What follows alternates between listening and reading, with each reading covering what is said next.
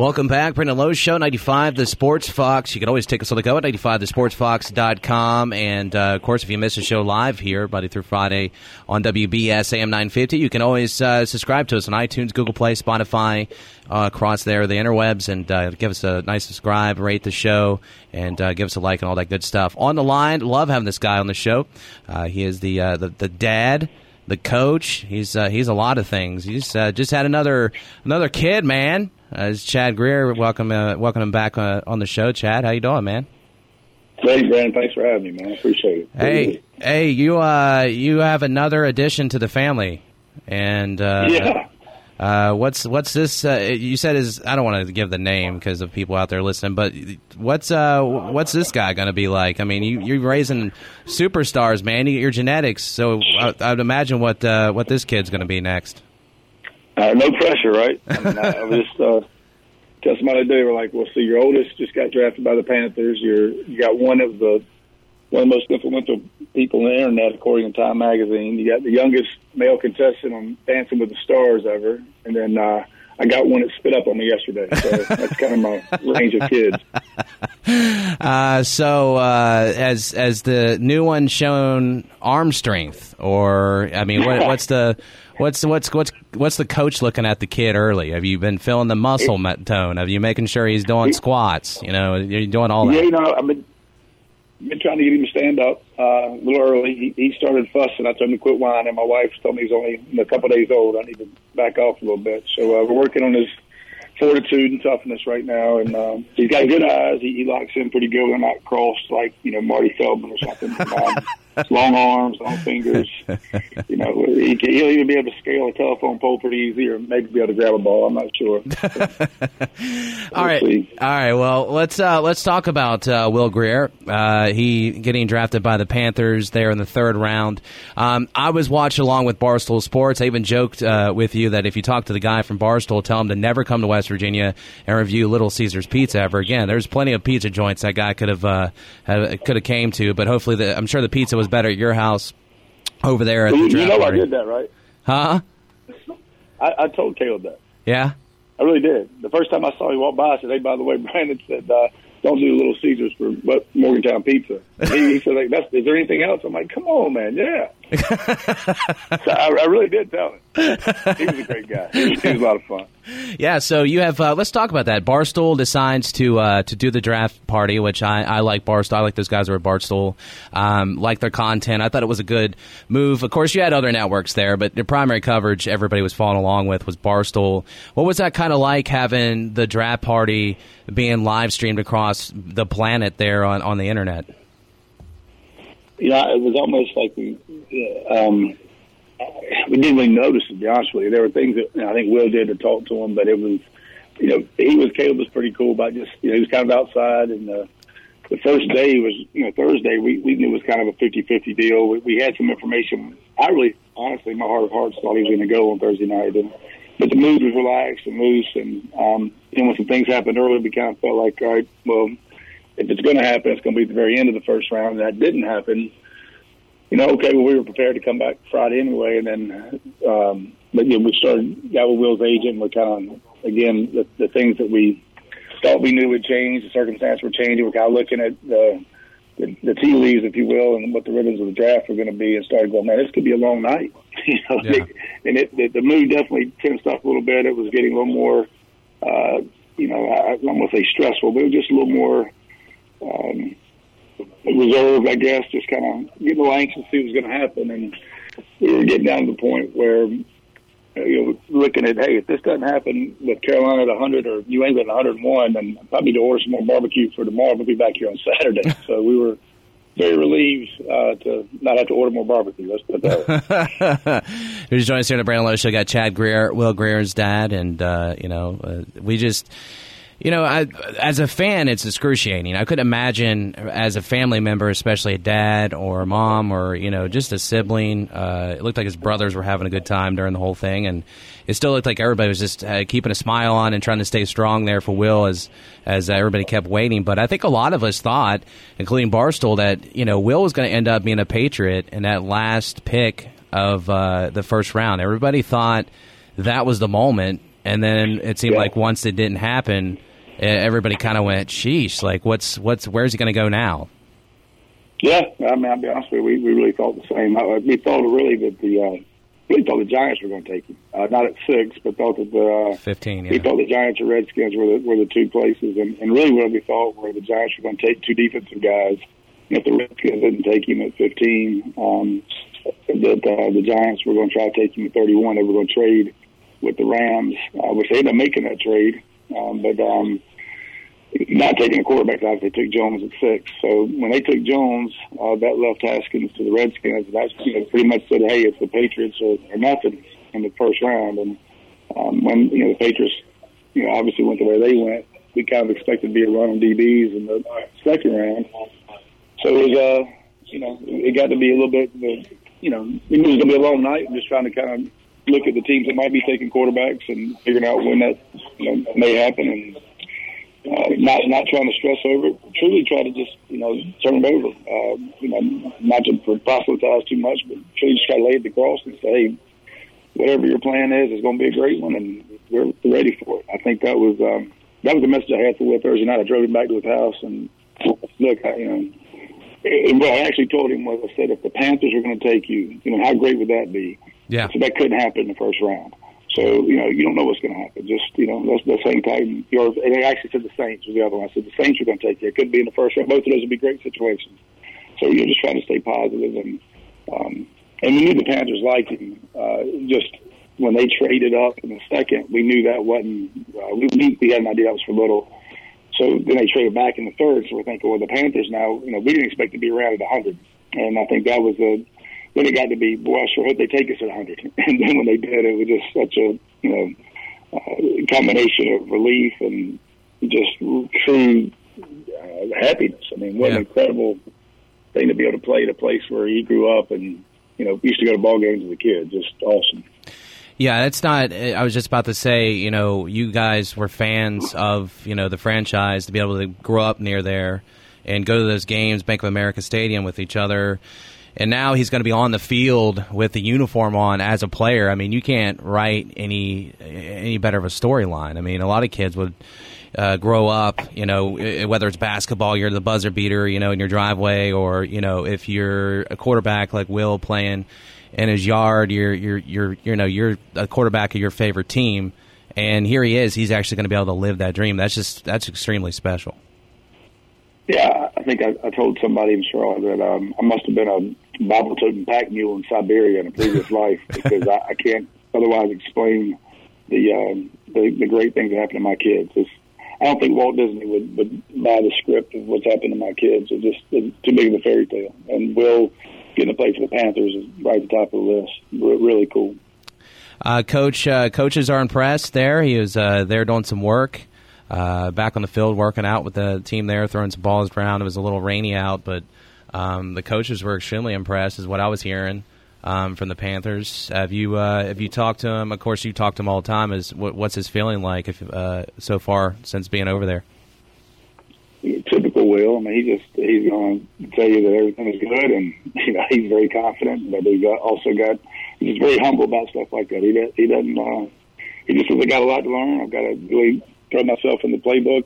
I think he he's sincere when he says he just wants to help them win. Uh, if you think about it, West Virginia, you know when he the year he sat out, um, you know he was the scout team MVP. I mean, he took a lot of pleasure and pride in in his work uh, to help the defense and make the team better. And I think that was uh, the same approach now. If they need the plays, to be ready to play. And if, uh, his best thing to do is to uh, you know work scout team or, or help uh, push Cam. He's going to do whatever he can to help the Panthers win football games. And he's sincere when he says that. And I, I think that's what makes Will special. Yeah, I've said that all along. That what makes your your kid special is his maturity and and the way he's humble. Uh, he's not someone who thinks he's just. I mean, he's confident, but he's also humble at the same time. He doesn't come off as arrogant. It's just he he has the confidence that you need to be uh, a really good quarterback. And uh, you know, obviously, everybody's rooting for you guys, just not only because he played at West Virginia, but he's got a family. You know, he's got a wife and a kid, and he's got everybody you know there that he's he's he's that's dependent on him to do great things. And I just think it's tremendous. And the journey that he's been on, you and I have talked about. Everybody's familiar at this point because ESPN had to keep bringing it up every time Will started at West Virginia about the Florida situation. But um, you know, everybody knows the journey he's been through, and for him to now be here in the NFL, as you said, kind of a dark place, you know, that he was in, and didn't know if he was going to play football again, and here he is. He's he's in the National Football League. Yeah, I mean, it's uh, it's certainly a, a testament to his willpower, his his courage, I think, to face darkness, and um, you know, the fact that he's uh, got strong enough character to do that. I mean, I, I think a lot of people his age and, even my age would, would have uh, certainly not fared as well. And I, I'm very proud of the way he handled that. I think it's a lot of credit to Jeannie. I mean, she was there with him and for him at the darkest. You know, not when um, you know truly at a point where he wasn't sure if he was going to play again, and that's uh, that's unusual. Um, and the way that they've um, you know welcomed that baby girl into the world and raised her to be so loving, and uh, they, their their focus is on their little family unit and. Um, maybe growing it here one of these days soon too. So I, I'm just really proud of him as a, as a man first and foremost, and the football stuff's just pretty cool stuff on the side. What, uh, as far as everything going on in West Virginia, of course, you know, Dana Holgorsen's no longer there, um, but you probably feel like Holgorsen was a big part of, and of course Clint Trickett as well, because Clint Trickett talked to your boy about West Virginia and how you know that he went there from Florida State, and this could be a great place for him to go to and and play football and kind of get away and go to a place like Morgantown. And then Holgorsen became close there, and you guys got to know each other very well. Um, what was that overall as far as the path? What did that have as far as an impact on how Will ended up at and how that helped him get out of that dark place? Well, I don't think there's any question it was Dana. I mean, I, you know, there are a lot of other contributing factors, but uh, the, the that Will's decision to go to West Virginia was all about Dana. Um, Will, when he went and visited with him, I talked to Dana for about an hour on the phone, which is a long, phone conversation for a guy like Dana uh, to, to make that kind of time and, and have the kind of open, candid conversation we had. And uh, and he reminded Will and me, frankly, both of um, Will Muschamp. And I think that was one of those deals where, um, you know, Muschamp was, was somebody that made such an impression on Will that you know, once the Muschamp offered my will, it, was done. He didn't go anywhere else. I mean, that poor decision was made based on his belief in Muschamp and uh, the mutual respect I think that they had for each other. And I think Dana built that same kind of camaraderie and mutual respect with Will. And when he got to West Virginia, he came back from that visit, and Dana told him, which I really I think was an important part of. Dana said, "You don't have to make this decision right now. Said you you know you can't play next fall you know, it's just not critical you play in the spring. So, you know, if you need to, um, you know, things happen in spring. You know, there might be a better situation come up in somewhere else for you at the end of spring ball. You just wait it out. I think that actually helped solidify. I think Will just said, you know, this is the kind of guy and the kind of place um, that I want to be. And he didn't take another visit, didn't take another phone call. Yeah. I mean, he just shut it down. And uh, they, when they took the visit, it was funny because Jeannie had never seen snow before. So the first time they drove up to, yeah. to see Dana and meet Dana and see the campus. It was snow. It was like a winter wonderland. I thought she thought it was just incredible. I think um, you know it's funny how you know once you you live in it for a few years, you you kind of ready to not be in it. Yeah, yeah. yeah, when, yeah. You're, when you're when you're from Florida in particular. So yeah. Uh, I think it was a, a, certainly a great change of season um, and, and change of life season for both of them, and, and what an incredible experience they had there. And uh, they're always going to be, you know, mountaineers and that will always be a special place to all of us. And my granddaughter was born in Morgantown, so yeah. uh, you know, you go to uh, uh, you know get get your fish bowl at Mario's. You look up over the, the bar by the cup, you're gonna see a happy born day to Ellie. Uh, me and my wife, they were signed the day she was born. Huh. Went over and had a fish bowl to celebrate. so um, my, my goal is to take Ellie there when she's 21 and have a beer with her. hopefully her first beer. I mean, probably not, but be her first one. That's awesome. Uh, yeah, I mean, and then yeah, the here's Will, uh, you know, at Carolina and all this conversation about you know the Cam Newton and everybody's going to do that in the media. They're going to speculate. You know, the Panthers pick a quarterback. What's this mean for Cam Newton? But it was really cool because Cam actually reached out to Will Grier, and you're seeing a lot of these. You know, it just came out today that you know uh, that uh, I forget the quarterback. It was the quarterback, uh, Joey Flacco. That's right. Wasn't going to mentor Drew Lock. Um, but the, here's Cam Newton calling, you know, Will right away, which is, is really cool, and, and it's got to be a cool moment for uh, for Will as well. No question. Cam is such a. I mean, look, he's a he's a rare talent I mean, there are not many guys that size that can do the things he can do. And, you know, and God willing, he's going to be healthy and come back from those uh, shoulder surgeries and be better than ever. And I think Will is, you know, all about that. And uh, I think there's a lot of things he can learn from Cam, both on and off the field. And, and sometimes you learn by, um, you know, exactly following what somebody does. And sometimes you, you learn by saying, okay, this works for Cam. And, uh, and that may not really work for me. And I got to be my own man in some other ways. So I think that there's just a great opportunity in the locker room on the field to grow and develop as a, as a quarterback and as a, um, and certainly with the Turners there, I mean, the more I've kind of looked into the Panthers as an opportunity, the better it is for Will.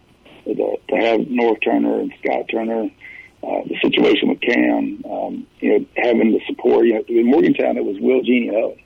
Yeah. You know, and, and there was a lot of people that were, you know, really great to my family, but it really they, they were on their own. If you think, I've got a seven week old, and we've had somebody in our our little place you know, with the baby almost, you know, there were very few days somebody hadn't been down here. Yeah. There, there were very few days that where somebody was able to be there in Morgantown with them. And uh, now they've got surrounded by family and you know, people they've grown up with. Uh, and their quality of life, just from you know having access to family and friends to help raise Ellie, is just you know gone through the roof. And it could have been very different going any other city, any other any of the 31 other cities. It would have been just them again. Yeah. So just there's so many things about him landing with the Panthers, uh, and not the least of which is being able to, to you know, work and learn from Cam. So it's a, a, great opportunity all the way around. Yeah, the, the, people don't realize, and you know this, just being a dad of uh, a student athlete and being a coach, that the transition from going where Will went anyway to Morgantown was a culture shock, I'm sure, to him. Not too much because North Carolina and all that's very similar kind of terrain and stuff that West Virginia has, but um, but just the fact that you go from that type of environment to great weather to Morgantown, which is small and it's just this you know it's this nice city but it's just a small college town. Football you know loves their football loves their basketball mountaineers all the way. And then here he goes to carolina where his family's all around him. So it's when you're a pro, as you said, you go to these different cities. There's a lot of temptations. There's a lot of things doing the wrong thing as far as a player. You know, you want to stay your mind focused on the work and not so much the you know uh, the fun or you know whatever it may be. You you keep focused and having family around you is and the wear and tear on the road as well can be brutal. So it's great that he's around around family, which is which is just remarkable. I, I, that's what I love most about this. It, it's us too, and you know I, I hope he has a, a long, prosperous career, and he helps the Panthers win Super Bowls. Plural would be fantastic. And that was always his goal. With Florida was always his goal. West Virginia to win national championships. I think that's the the one thing that um, you know he, still has that competitive fire to, to win, and hopefully that that can happen in his hometown. But football's going to end someday. Uh, hopefully, again, I, I'd love for him to play eight, ten, twelve years. Man, that'd be awesome. But you know, it could end a lot sooner than that. And I think um, the fact that he can use football to uh, put down some roots in his hometown, and you know, uh, get get his daughter in a situation where she's around family, and you know, where he, he's familiar with the schools and familiar with the community, and um, just you know, leverage the network of people that support him and our family. I, I think that for the rest of his life, is just a you know, it's a blessing that he ended up in Carolina. I mean, would I like to see him go in the first round? Yeah, I'd like to see my granddaughter have that guaranteed income and she's taken care of. But uh, you know, the Panthers didn't have a first round pick, so if you had to say is there a place, you know, in hindsight, if you picked any round, you know, where where would you want him to be? I mean, gosh, there's not a better place for him to be than than the Panthers. So, um, you know, and selfishly for me, I you know I left Charlotte a couple of years ago, and I can get there in three hours. Um, so it's uh, that's a whole lot different. I need to go see Ellie I, you know, be there for Willard you know, get there in three hours versus you know, eight and a half or nine. Yeah. Um, so it's it's really you know selfishly it's it's great for me as a dad, uh, and I think it's a tremendous opportunity for him. Finally, before I let you go, I've taken up way too much of your time, but uh, two more things. Uh, David Sills not being drafted, I was, uh, I think that's a robbery. It's a robbery, right? What's your What's your take on that? Unbelievable.